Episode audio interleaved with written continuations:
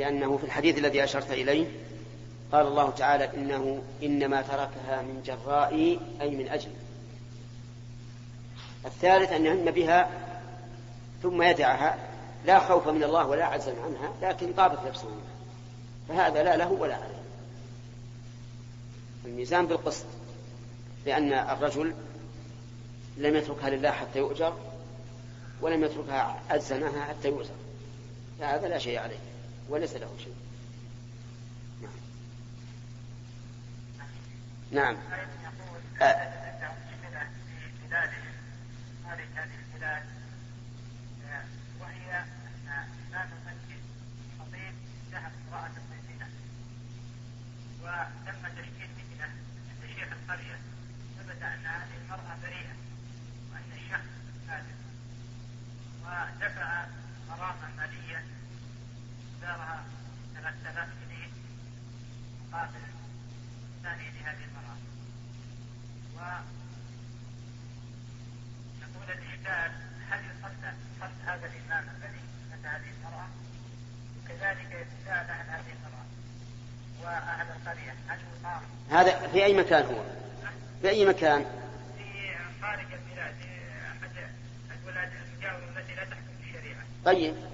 يرجع إلى إلى إلى إلى علمائه هناك. نعم. أقول له يرجع إلى العلماء هناك يسألهم. شيخ يوجد في بعض المساجد الأجهزة الترديد هذه الصدى. الصدى. هل هذه تجوز؟ آه هذا يسأل يقول عن الصدى في المساجد. أرى أنها لا تجوز. فإن كانت تستوجب ترديد الحرف فعدم الجواز فيها أمر قطعي عندي لأن ترديد الحرف يعني زيادة في كلام الله عز وجل. وقد كره الإمام أحمد رحمه الله وغيره من العلماء قراءة الكسائي لشدة الإطعام فيها أو لطول المد فيها. لأن هذا يقتضي أن يكون هناك زيادة على كلام الله عز وجل. لكن إذا كانت لا تغير يعني لا, لا توجب ترديد الحرف فأرى أيضا المنع فيها. لكني لا أجزم به جزما بينا وذلك لأنه ليس المقصود من من القرآن الكريم أن يكون كنغمات الأغاني والطبول. المقصود أن يقرأه الإنسان بخشوع.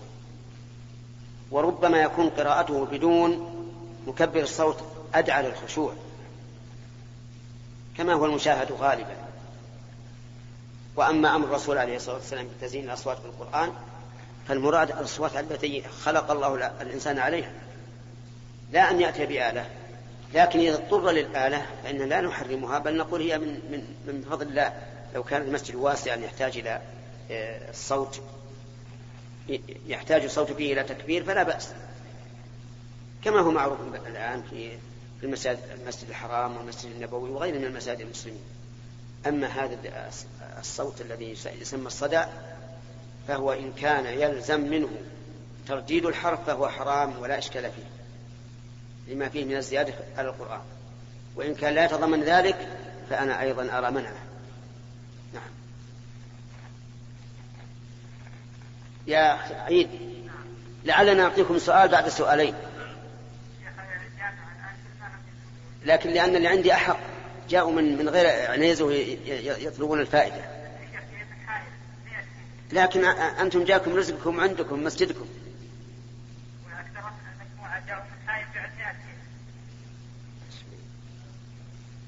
نعم طيب هات السؤال اللي عندك وندرس الموضوع إن شاء الله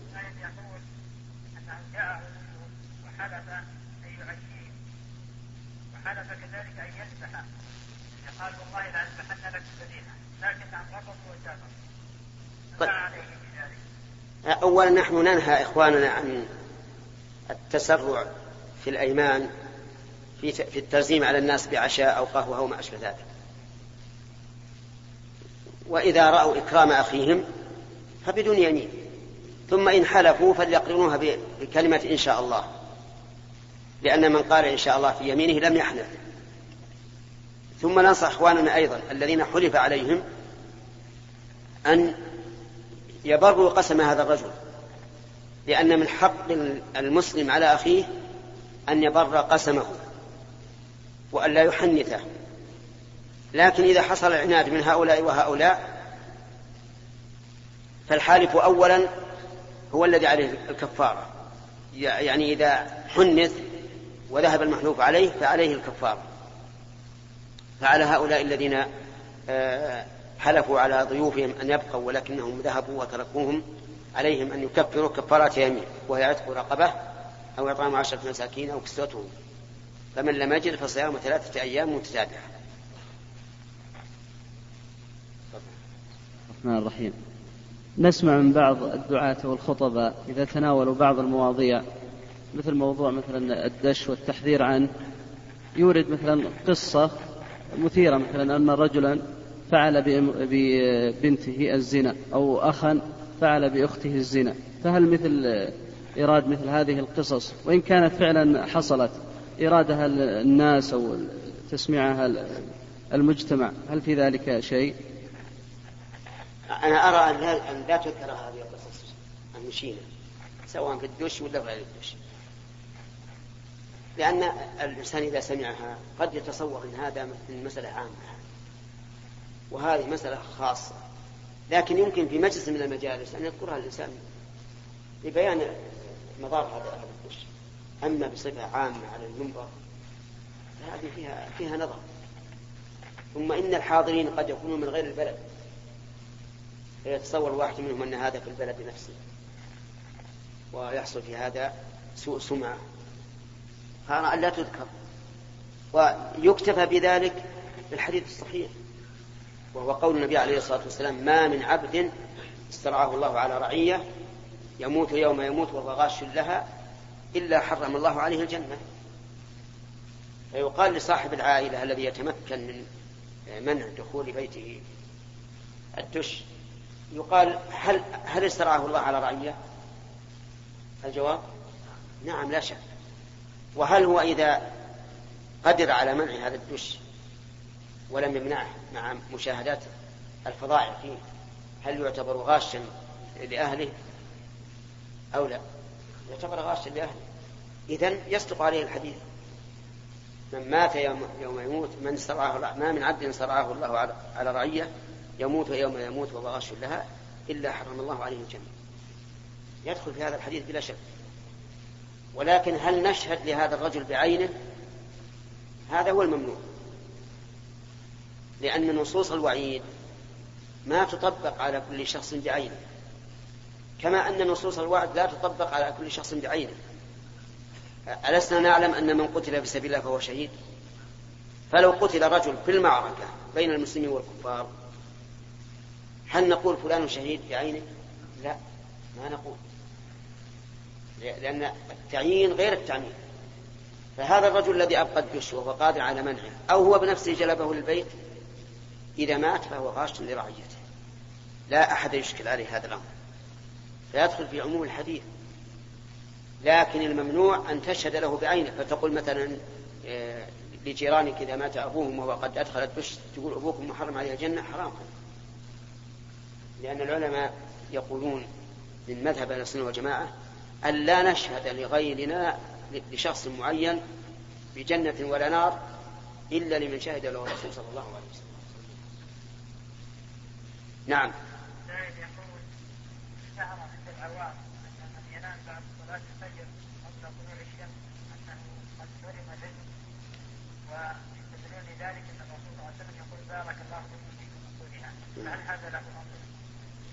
هذا ليس له أصل؟ ليس له أصل لأن أول النهار لا شك أنه خيره وبركته وهذا شيء مشاهد. لكن كون الإنسان يحرم الرزق هذا غير صحيح. اللهم إلا رزقا يكون في أول النهار وينام هذا عنه فيحرم إياه بطبيعة الحال. وأما أن يقال من نام بعد صلاة الفجر فإنه يحرم الرزق فهذا ليس بصحيح.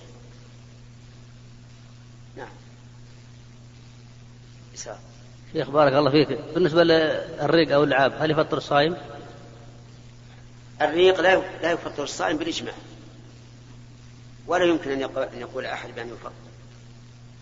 لكن جمع الريق وابتلاعه هو الذي بعض العلماء قال إنه يفطر. والصحيح أيضا إنه لا يفطر. الصحيح أنه لا يفطر لأنك لم تدخل لجوفك طعاما ولا شرابا. هذا ريق حصل من الجوف ورجع إليه. ولهذا كان القول الراجح أيضا أن النخامة لا تفطر حتى لو وصلت إلى الفم وابتلع الإنسان فإنه لا يفطر لا لا تفطر لكنها لكن الإنسان لا لا يبتلعها. فإن أهل العلم حرموا ذلك. لأنها شيء مستقذر ولا ينبغي الإنسان أن يبتلعه. لكن لو تمضمض من أجل العطش هل يفطر؟ إن ابتلع الماء أفضل ما في إشكال. إذا لم يبتلعه فإنه لا يفطر نعم.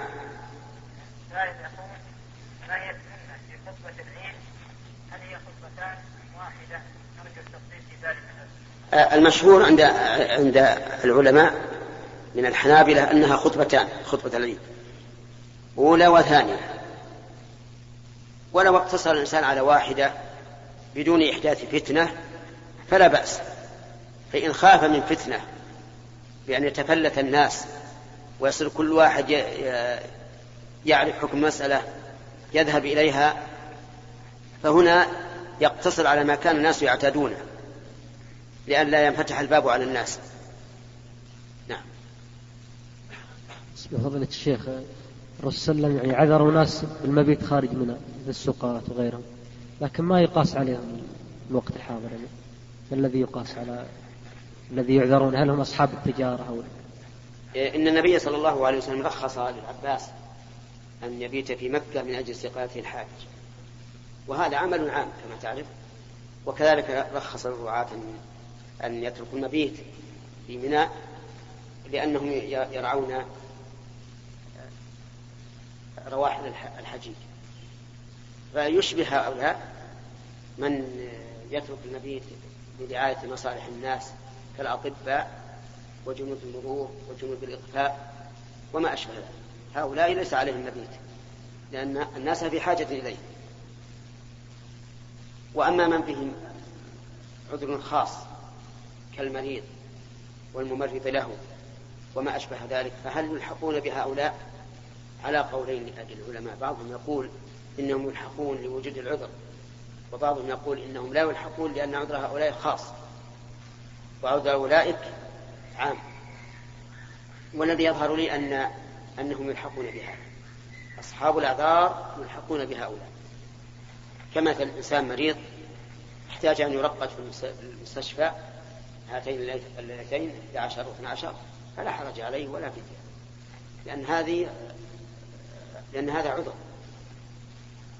وكون الرسول عليه الصلاة والسلام يرخص للعباس مع إمكانه أن ينيب أحدا من أهل مكة الذين لم يحجوا يدل على أن مسألة المبيت أمرها خفيف يعني ليس وجوبها بذاك الوجوب المحتم حتى أن الإمام أحمد رحمه الله رأى أن من ترك ليلة من ليالي منى فإنه لا فدية عليه وإنما عليه أن يتصدق بشيء يعني عشرة ريالات خمسة ريالات حسب الحال. فنعم لا أصحاب التجار هذه مصالح خاصة ولا هي عذر لكن ممكن أن يقال آه، أصحاب الأقران الذين يحتاج الناس إليهم قد يلحقون بهؤلاء.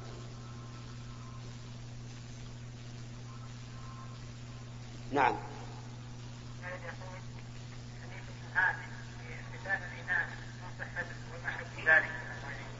الصحيح أن ختان الإناث سنة وليس بواجب. بخلاف الذكور. والفرق ظاهر لأن القلفة التي في ذكر الذكر لو بقيت لأضرت به. عند البول وعند الجماع إذا كبر. وأما الأنثى فغاية ما فيها أنه قيل إنها تخفض من شهوتها إذا ختنت. وهذا لا يقتضي أن يكون الأمر واجبا فالصواب أنها أن ختان الإناث سنة وليس بواجب. لا حديث ختان المرأة ما هي بلا في القوة. عندنا أذن الظهر الآن. أذن الظهر وبه ينتهي المجلس. نعم. انتهى اللقاء لأنه أذن. وإلى اللقاء إن شاء الله في يوم آخر. والحمد لله رب العالمين. وسبحانك اللهم وبحمدك أشهد أن لا إله إلا أنت أستغفرك وأتوب إليك. أيها الأحبة يسعدنا أن نكمل ما تبقى من هذا الشريط بهذه المادة. إن الحمد لله نحمده ونستعينه ونستغفره ونعوذ بالله من شرور أنفسنا ومن سيئات أعمالنا. من يهده الله فلا مضل له ومن يضلل فلا هادي له وأشهد أن لا إله إلا الله وحده لا شريك له وأشهد أن محمدا عبده ورسوله صلى الله عليه وعلى آله وأصحابه ومن تبعهم بإحسان إلى يوم الدين. أما بعد فإن كل تاجر ينظر في سجلات تجارته عند انتهاء السنة المالية لينظر ماذا ربح ماذا خسر ماذا ماذا فاته من الربح هل يمكن تعويضه؟ أو لا يمكن. وإننا في آخر هذا العام عام سبعة عشر وأربعمائة وألف نسأل الله تعالى أن يختمه لنا بخير وأن يعفو عنا ما قصرناه في واجب ويغفر لنا ما ما انتهكناه من محرم. أيها الإخوة إن الواجب أن ينظر الإنسان في عامه الماضي. ماذا صنع؟ هل أدى الواجب كما ينبغي؟ أو قصر فيه. هل اجتنب المحرم وابتعد عنه أو وقع فيه؟ فإن كان مفرطا في الواجب فإن عليه أن يتداركه. ما دام في زمن الإمهال. ليفكر هل كان قد أتم طهارته قد أتم صلاته قد أتم صيامه قد أتم زكاته قد أتم حجه لينظر في ذلك. ربما يكون على الإنسان شيء من صيام رمضان. فيقول الأمد, الأمد أمامي لي أن أؤخره إلى أن يبقى من شهر شعبان بمقدار ما علي من, من الأيام. وهذا لا, لا بأس به ولكن الحزم كل الحزم أن يبادر الإنسان بقضاء الصيام الذي عليه. لأنه لا يدري ماذا يعرض له. ربما يصاب بمرض لا يستطيع معه أن يصوم وربما يموت فلا يقضى عنه فلينظر.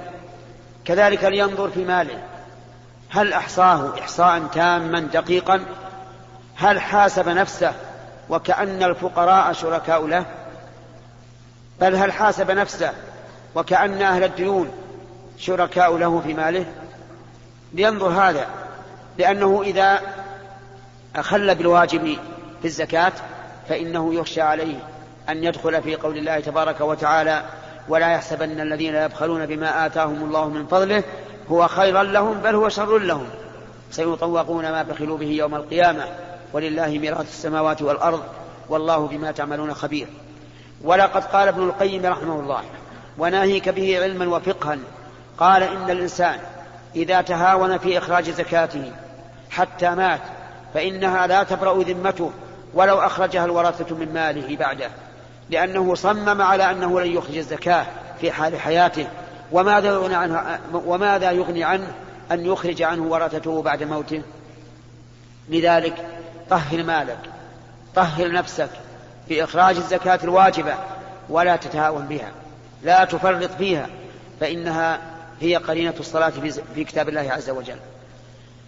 فكر كذلك في الحج. هل أنت أتيت بالحج على حسب ما أوصاك به رسول الله صلى الله عليه وعلى آله وسلم؟ حيث قال خذوا عني مناسككم. هل أنت أخذت المناسك كما فعلها الرسول عليه الصلاة والسلام أو أنت تهاونت فيها ورأيت كأنها طقوس تفعلها أو تخرج بدلا عنها من من فدية أو هدي؟ إن كثيرا من الناس يخلون بالحج إخلالا عظيما حتى يجعلونه كأنه طقوس لا فائدة منها ولا طهارة للقلب بها ولا يشعر الإنسان بها بالراحة الروحية بل كأنها أشياء يفعلها فعلا ماديا فقط. عليك أن تحاسب نفسك. هل أنت أديت ما يجب عليك لمن يعاملك؟ هل أنت أديت الدين الذي الذي في ذمتك غير مؤجل وأنت قادر عليه؟ إنك إن أخرت الوفاء فأنت في ظلم إلى أن توفي.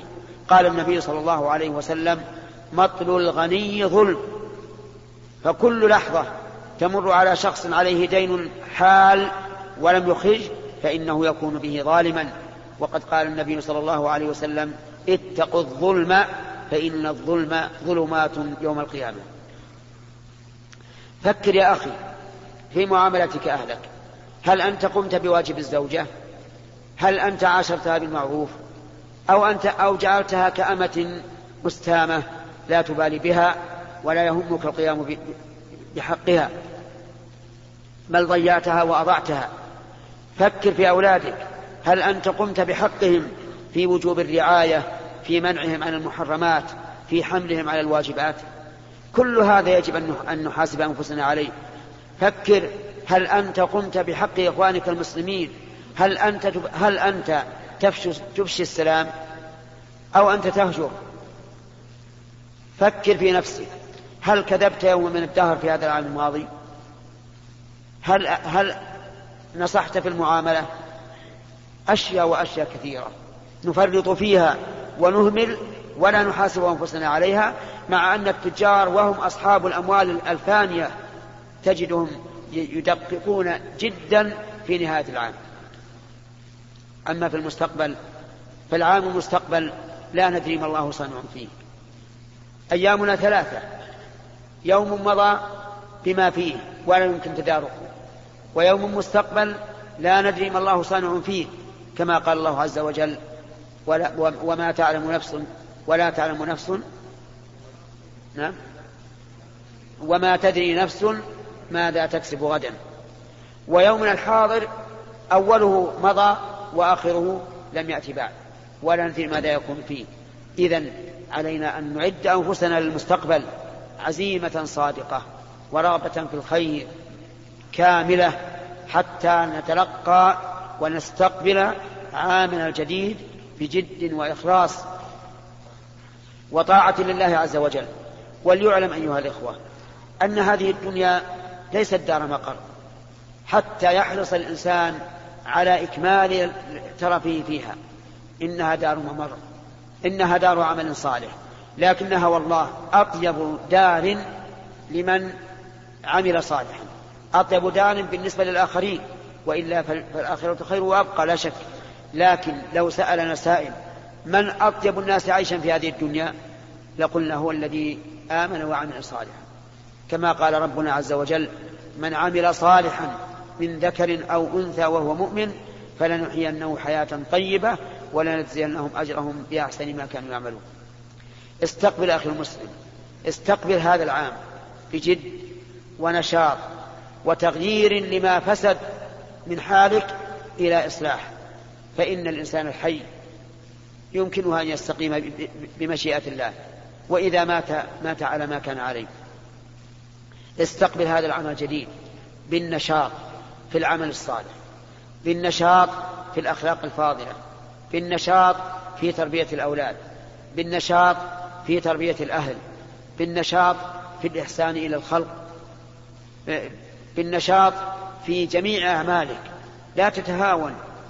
من تعود على التهاون صار التهاون خلقا له وبقي هكذا دائما. ومن عود نفسه على الجد والحزم ومحاسبتها فإنه ينجح بإذن الله عز وجل. أمامنا مستقبل. أمامنا أيام. أي أي أيام هي مراحل للعمل الصالح. كل يوم كل يوم تطلع فيه الشمس فإن على كل مفصل منك صدقة. هكذا قال النبي صلى الله عليه وسلم. يصبح على كل سلامة من الناس صدقة كل يوم تطلع فيه الشمس. والإنسان فيه ثلاثمائة وستون مفصلا. فلا بد أن تتصدق ثلاثمائة وستين صدقة كل يوم. لكن ليست صدقة المال فحسب بل هي صدقات متنوعة. كل تكبيرة صدقة. كل تهليلة صدقة. أمر بالمعروف صدقة. تكبيرة صدقة. نهي عن منكر صدقة. كل شيء يتقرب به الإنسان إلى الله فهو صدقة تجزي عن مفصل من المفاصل بل قال النبي صلى الله عليه وعلى آله وسلم يجزئ من ذلك أي يجزئ بدل ذلك ركعتان يركعهما من الضحى.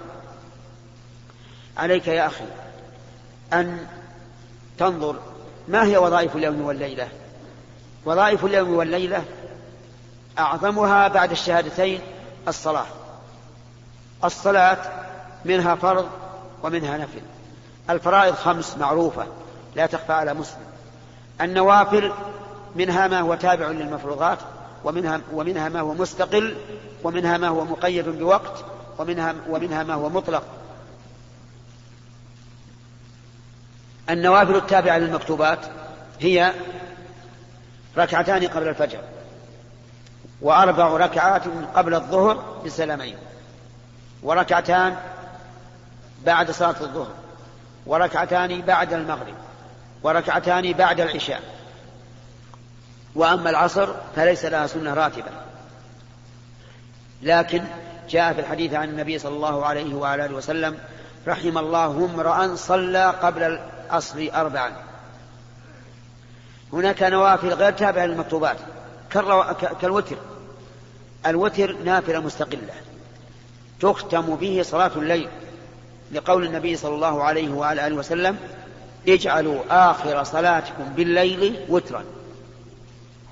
فمن كان يقوم من الليل فليؤخر الوتر إلى آخر الليل. ومن كان لا يقوم فليوتر أول الليل. ولهذا قال النبي صلى الله عليه وسلم من طمع أن ي... من خاف أن لا يقوم من آخر الليل فليوتر أوله. ومن طمع أن يقوم من آخره فليوتر آخره فإن صلاة آخر الليل مشهودة وذلك أفضل. والوتر أقله ركعة. يعني لو أن الإنسان صلى راتبة العشاء ركعتين ثم أوتر بركعة كفى. لأنه جعل آخر صلاته بالليل وترا. وإن أوتر بثلاث فهو أفضل وبخمس فهو أفضل وبسبع فهو أفضل وبتسع فهو أفضل وبإحدى عشرة هو أفضل. فإذا نام الإنسان عن وتره فإنه يصليه من النهار ولكنه يجعله شفعا يعني لا وترا لأن الليل انتهى ولكن يجعله شفعا حتى يكون قد, قضى ورده ولكن بدون وتر. هناك أيضا صلوات أخرى لأمور عارضة كالصلاة لدخول المسجد فإن النبي صلى الله عليه وسلم قال إذا دخل أحدكم مسجد فلا يجلس حتى يصلي ركعتين. سنة الوضوء. إذا توضأ الإنسان فإنه ينبغي له أن يصلي ركعتين. وليحرص على أن لا يحدث فيهما نفسه لأن النبي صلى الله عليه وسلم توضأ وقال من توضأ نحو وضوء هذا ثم صلى ركعتين لا يحدث فيهما نفسه غفر الله له ما تقدم من ذنبه. هناك صلاة الضحى التهجد في الليل النفل مطلقا في كل وقت شئت إلا أوقات النهي وهي من صلاة الفجر إلى أن ترتفع الشمس قيد رمح وعند الزوال حتى تزول يعني إذا قامت الشمس حتى تزول ومن صلاة العصر إلى الغروب. هذه الأوقات الثلاثة لا يصلى فيها النفل المطلق ولكن يصلى فيها النفل ذو السبب. يعني إذا كان النفل له سبب فصل ولو في أوقات النهي. هناك أيضا زكاة المال واجبة. وهناك واجبات أخرى في المال غير زكاة المال. كالنفقات فإن الإنسان يجب عليه أن ينفق على زوجته وعلى أقاربه. أيها الإخوة في ختام هذه المادة نسأل الله أن نلقاكم في لقاءات متجددة. مع تحيات مؤسسة الاستقامة الإسلامية للإنتاج والتوزيع في عنيزة. شارع هلالة.